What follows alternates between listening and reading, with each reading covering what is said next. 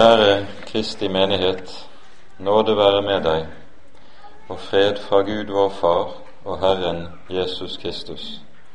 Amen. La oss be. Herre du hellige, du trofaste, du levende Gud.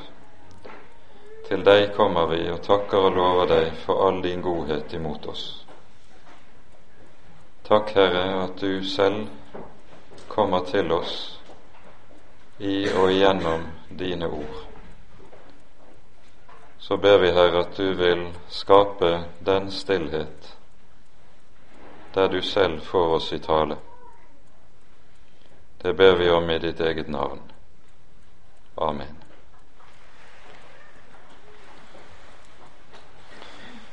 Dette hellige evangelium står skrevet hos evangelisten Lukas i det tiende kapitlet.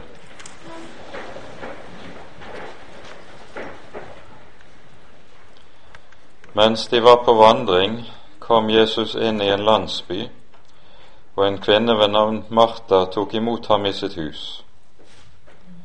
Hun hadde en søster som het Maria. Hun satte seg ved Jesu føtter og lyttet til hans ord. Men Martha var travelt opptatt med alt som skulle stelles i stand. Hun gikk da bort til dem og sa, Herre, bryr du deg ikke om at søsteren min har latt meg bli alene med å tjene deg? Si da til henne at hun skal hjelpe meg. Men Herren svarte og sa til henne, Martha, Martha, du gjør deg strev og uro med mange ting men ett er nødvendig. Maria har valgt den gode del, som ikke skal bli tatt ifra henne. Hellige Far, hellige oss i sannheten. Ditt ord er sannhet. Amen.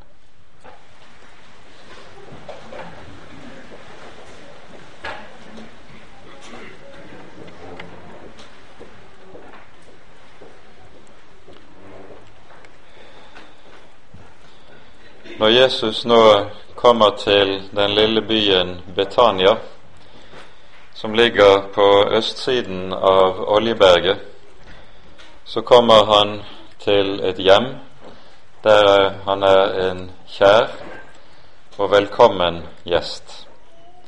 Det er tydelig han har vært der ved flere anledninger, og vi møter dette hjemmet igjen, også i Johannesevangeliet der vi hører om oppvekkelsen av Lasarus. Og disse tre søsknene, Martha, Maria og Lasarus, de hørte med til Jesu venner, som uh, hadde den betydning også for Herren at der fant han et hjem der han kunne være i ro i en urolig hverdag. Ved denne anledning så er det altså at Jesus kommer til hjemmet deres. Og så fortsetter han med sin undervisning, som antagelig Vi kan muligens tenke oss at han har kommet sammen med disiplene på veien, de har talt sammen, han har undervist dem, og så er det ikke ferdig. Og han fortsetter undervisningen etter at de har kommet inn i huset. Og så er det vi hører Maria slipper alt hun har i hendene, og setter seg ved Jesu føtter for å høre hans ord. Og Dette uttrykket som anvendes i teksten vår, å sette seg ved Jesu føtter, det er et uttrykk som i eh, samtiden ble anvendt om det å innta posisjonen som disippel. Det å være disippel eh, hos en rabbiner, det ble gjerne eh, beskrevet ved hjelp av uttrykket 'å sitte ved den og den, dens føtter'. Slik hører vi Paulus omtales i apostelgjerningene som den som har sittet ved Gamaliels føtter. Og så er det altså Maria inntar denne posisjonen, noe som i seg selv var meget uvanlig i samtiden. Kvinner gjorde ikke det. Det var noe som var forbeholdt menn. Men på dette området gjør Jesus ingen forskjell. Også kvinnen har denne rett, dette privilegium, å få lov til å sitte ved Jesu føtter og ta imot Hans ord. Og det ser ut til at ikke minst om vi leser denne teksten i sammenheng med det vi hører i Johannesevangeliets 11. og 12. kapittel, at Maria i kraft av sin lydhørhet for Jesu ord, hennes stillhet ved Jesu føtter, har hatt en langt, langt dypere forståelse av både hvem Jesus er, og av hans gjerning enn de aller fleste av de øvrige som fulgte Jesus på veien. Dette ser vi i det som skjer i Johannes 12, når det står om at Maria eh, seks dager før Jesu lidelse salver Jesu føtter. Hun har en krukke med kostelig nardussalve som hun salver Jesus med. Så gir Jesus henne et meget bestemt vitnesbyrd. Han sier nemlig om henne, sannelig, sannelig sier jeg dere, så lenge jorden står, skal det hun gjorde, bli fortalt om henne. Det sies ikke om noen annen gjerning som gjøres av noe menneske i evangeliene. Det er kun dette som står her om Maria sin salving av Jesu føtter. Det er kun hun som får en slik attest, et slikt vitnesbyrd av Herren. Og vi aner, når vi ser på sammenhengen i bibelteksten, at dette henger på det aller nærmeste sammen med det vi hører i dagens tekst. Hennes lydhørhet ved Jesu føtter.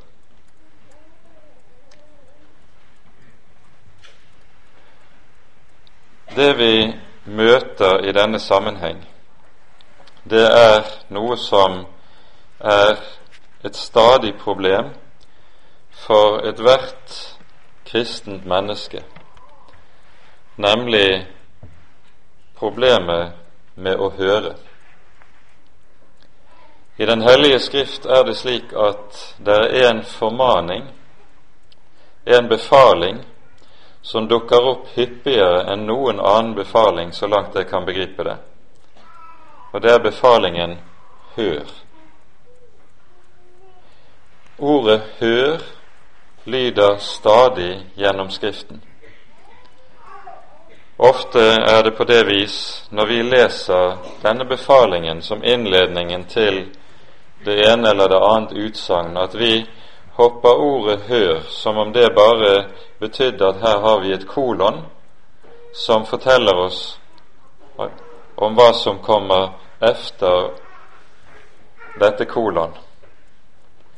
Men jeg tror det er slik at ordet 'hør' i seg selv har den aller største betydning. Fordi om det enn er slik at våre ører, til forskjell fra øynene, ikke kan lukkes, så er det likevel på det vis at det er noe av det vanskeligste som fins å høre. Å høre på ramme alvor høre Herren med det Han har å si. Ser vi forskjellen på Martha og Maria, så illustreres dette meget tydelig for oss. Martha, står det, hadde det meget travelt med å tjene Jesus. I dette er hun så å si urbildet på de som er tjenere i Guds rikes sammenheng, som er satt til den ene eller den annen tjeneste i Guds rike. Og det som altfor, altfor ofte er tilfellet, det er at tjenesten som en er satt til, kommer til å være så altoppslukende, skape så megen travelhet og uro at en ikke har stunder til det å høre. Og så kan selve kallsgjerningen som en er satt til, bli en hindring for det som Jesus sier ett er nødvendig om. En har så meget en skal gjøre, og en vil jo gjerne gjøre det for Herren akkurat som Martha ville det. Det er velment, det er godt, men nettopp travelheten blir hindring for det som er det avgjørende. Og Med det så tror jeg vi også er midt inne i det som er noe av vårt problem i forhold til disse ting. Det å høre er noe av menneskets aller vanskeligste problem når vi har med den levende Gud å gjøre. For det første kunne vi jo ta et sideblikk til det som er hele kultursituasjonen vi lever i. Det som kjennetegner hele vår kultur, det er at den på ulike måter er fylt av larm. I Skriften er det jo sånn at når uh, den vil beskrive hedningene, så er et av de ordene som Skriften anvender som karakteristisk for hedningene, det er nettopp larmen. Hvorfor larmer hedningene? Og vår kultur er en kultur som i stadig økende utstrekning fylles med støy. Ikke bare den støy som fyller ørene, men også visuell støy, som likesom fyller oss med inntrykk som flimrer forbi på skjermer eller andre måter, og skaper en veldig uro, en uro som gjør stillheten uhyre vanskelig å komme inn til. For til det å høre, å høre på ramme alvor, hører stillhet. Og stillheten, den er sjelden vare. Ofte er det jo også slik at stillheten, det er noe mennesker rømmer fra, fordi i stillheten, så kan en bli stående overfor et veldig ubehag i det en må møte seg selv, i det en må møte den levende Gud i hans tiltale. Og så er stillheten noe mennesket rømmer fra, i stedet for å søke til. Dette som vi her er inne på, det ser ut til å være noe som så å si gjelder hele den kultur vi er en del av. Og som kristne mennesker så preges vi av tiden og tidsånden også på dette området. For hundrede år siden så var det ikke uvanlig at de troende de ble kalt for lesere. De var kjennetegnet ved det at det var mennesker som tilbrakte tid, og tilbrakte mye tid, i stillhet for Ordet. I dag kalles ikke kristne mennesker lenger for lesere. Og det er stor fare for at vi i stedet er blitt seere. Det tilbringes langt mer tid foran ulike skjermer som flimrer, enn over den åpne Bibel. Med det til følge at Han som er Herre, ikke får oss i tale. Bibelordene blir noe som vi bare hurtig og hastig farer forbi. Ja, vi har hørt det før, og vi kan det. Og så blir det ikke den stillhet som gjør at ordet får lov til å synke og gjøre sin gjerning. For saken er nemlig den at når Gud arbeider, så er Guds arbeidsredskap det er alltid Hans eget ord. Derfor er det å sitte som Maria i stillhet Kanskje det kan beskrives som noe passivt, men i den stillhet, i den passivitet som ligger i å lytte til Jesu ord, så gis det rom for at Herren selv får begynne å arbeide. For når Herren gjør sin gjerning, så gjør Han det alltid ved hjelp av sine ord. Det er Ordet som er Jesu arbeidsredskap fremfor noe. Det er jo derfor det er slik at når Jesus skal fortelle disiplene i Matteusevangeliets 13. kapittel hva som er Guds rikes hemmelighet, hva taler han da om? Han taler om såmannen som strør ut et ord. Og så spirer ordet og bærer frukt der det får ligge i stillhet. Himmelrikets hemmelighet er dette ord. Og Derfor er det også slik at Jesus sier, som han gjør det til Maria, ett er nødvendig. Og Når Jesus sier det han her gjør, så setter han ikke ting bare på spissen for at vi skal liksom lettere legge merke til hva han egentlig mener. Når han sier dette, så er det dypt alvorlig ment. Det er bare ett som er nødvendig. Fordi får ikke Jesus komme til orde i våre liv, så slipper Jesus heller ikke til i våre liv. Det får til følge uvegerlig at evangeliet heller aldri får lov til å utføre sin gjerning imellom oss.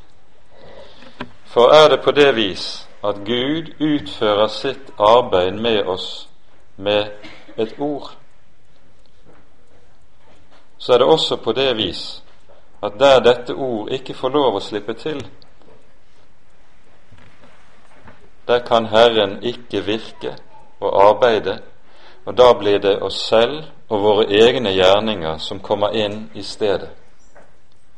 Og så blir kristendom til aktivisme, og det blir til egenrettferdighet. For våre gjerninger tar da plassen for den gjerning Herren har å utføre, i og med og ved hjelp av sine ord.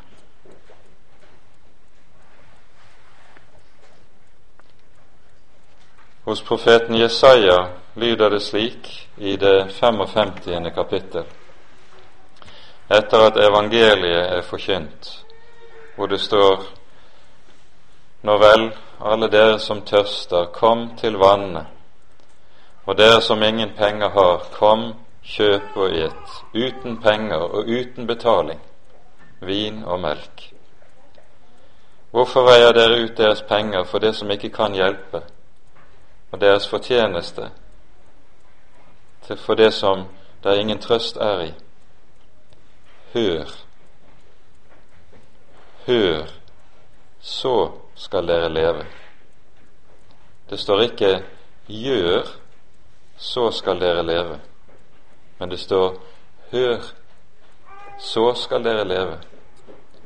For dette Jesu ord har jo det med seg at det er en livgivende, i ordets mest bokstavelige forstand, en livgivende kraft i dette ord, som er av den art at det er ved Hans ord Herren skaper det nye livet. Det er ved dette ord han rettferdiggjør syndere. Det er ved dette ord han helliggjør sitt folk.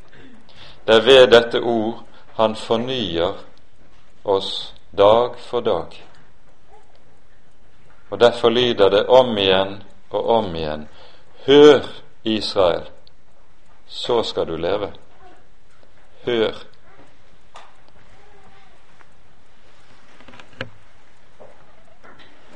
Martha får høre en mild refselse fra Jesu munn.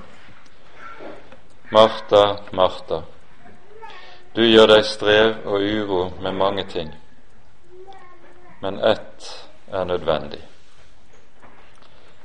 Maria har valgt den gode del, og så sies det den skal ikke tas ifra henne.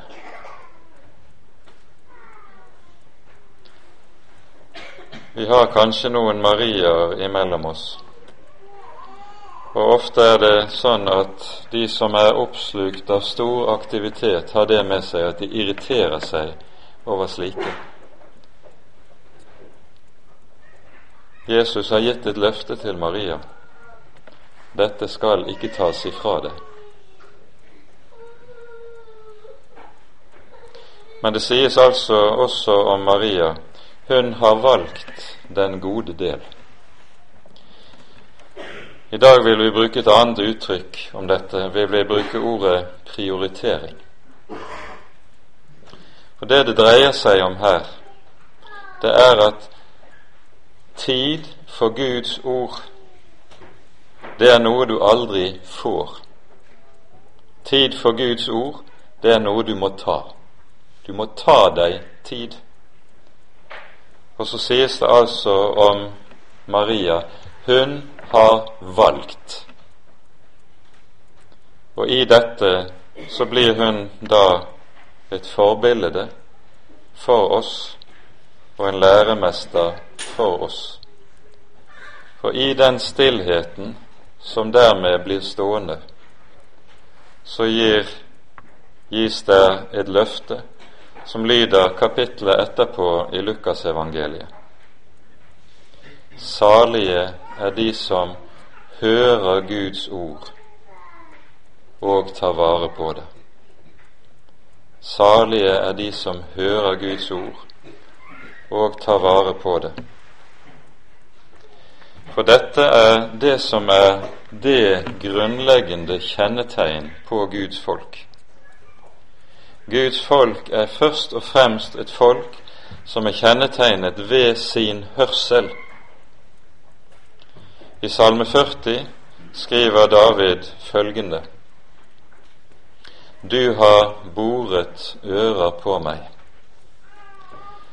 Når David bruker dette uttrykket, så anvender han et bilde som er hentet fra 2. Mosebok kapittel 21 der vi hører om ordningen med treller i Israels folk. Det var slik at om en var fattig og ikke var i stand til å greie seg selv, så kunne han selge seg som trell til en rik mann.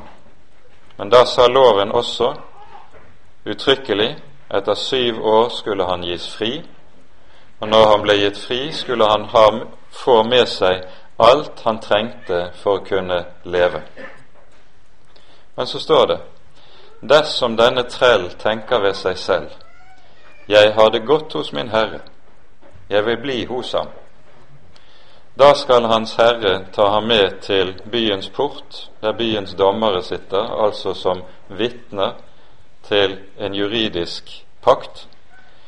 Og så skal han stikke en syl gjennom hans øre og inn i dørkarmen til huset der han bor. Og så skal han tilhøre sin Herre for resten av sine dager. Det gjennomborede øret er tegnet på at han av egen fri vilje blir hos Herren og hører ham til for alle sine dager. Du har boret øra på meg, sier David, og bruker dette som bilde på sitt eget forhold til Herren. Det gjennomborede øret er det som kjennetegner Guds eget folk.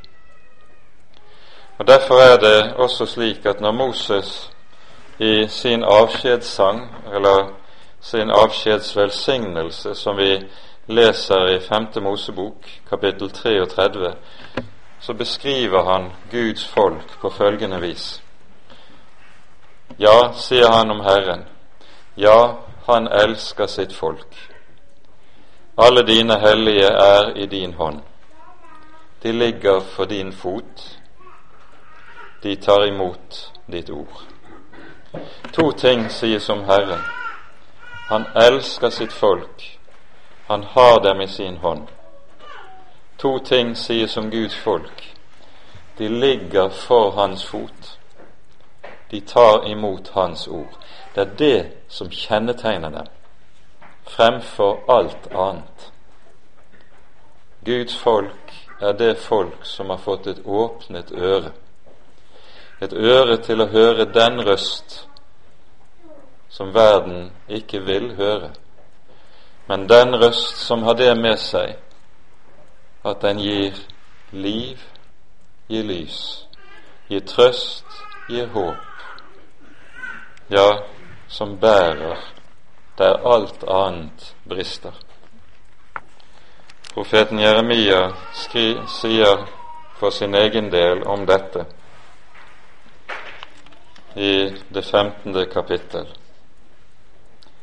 Jeg fant dine ord, og jeg åt dem. Og dine ord var til fryd for meg og til glede for mitt hjerte. For jeg er kalt ved ditt navn, Herre herskarenes Gud.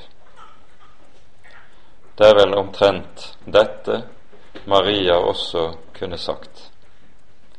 Jeg fant dine ord, og jeg åt dem. Og dine ord var til fryd for meg og til glede for mitt hjerte. For jeg er kalt ved ditt navn, Herre, herskarenes Gud. Ære være Faderen og Sønnen og Den hellige ånd, som var og er og være skal en sann Gud, høylovet i evighet.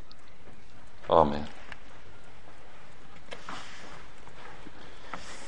Må så vår Herres Jesu Kristi nåde, Guds, vår Fars kjærlighet og Den hellige ånds samfunn være med dere alle. Amen.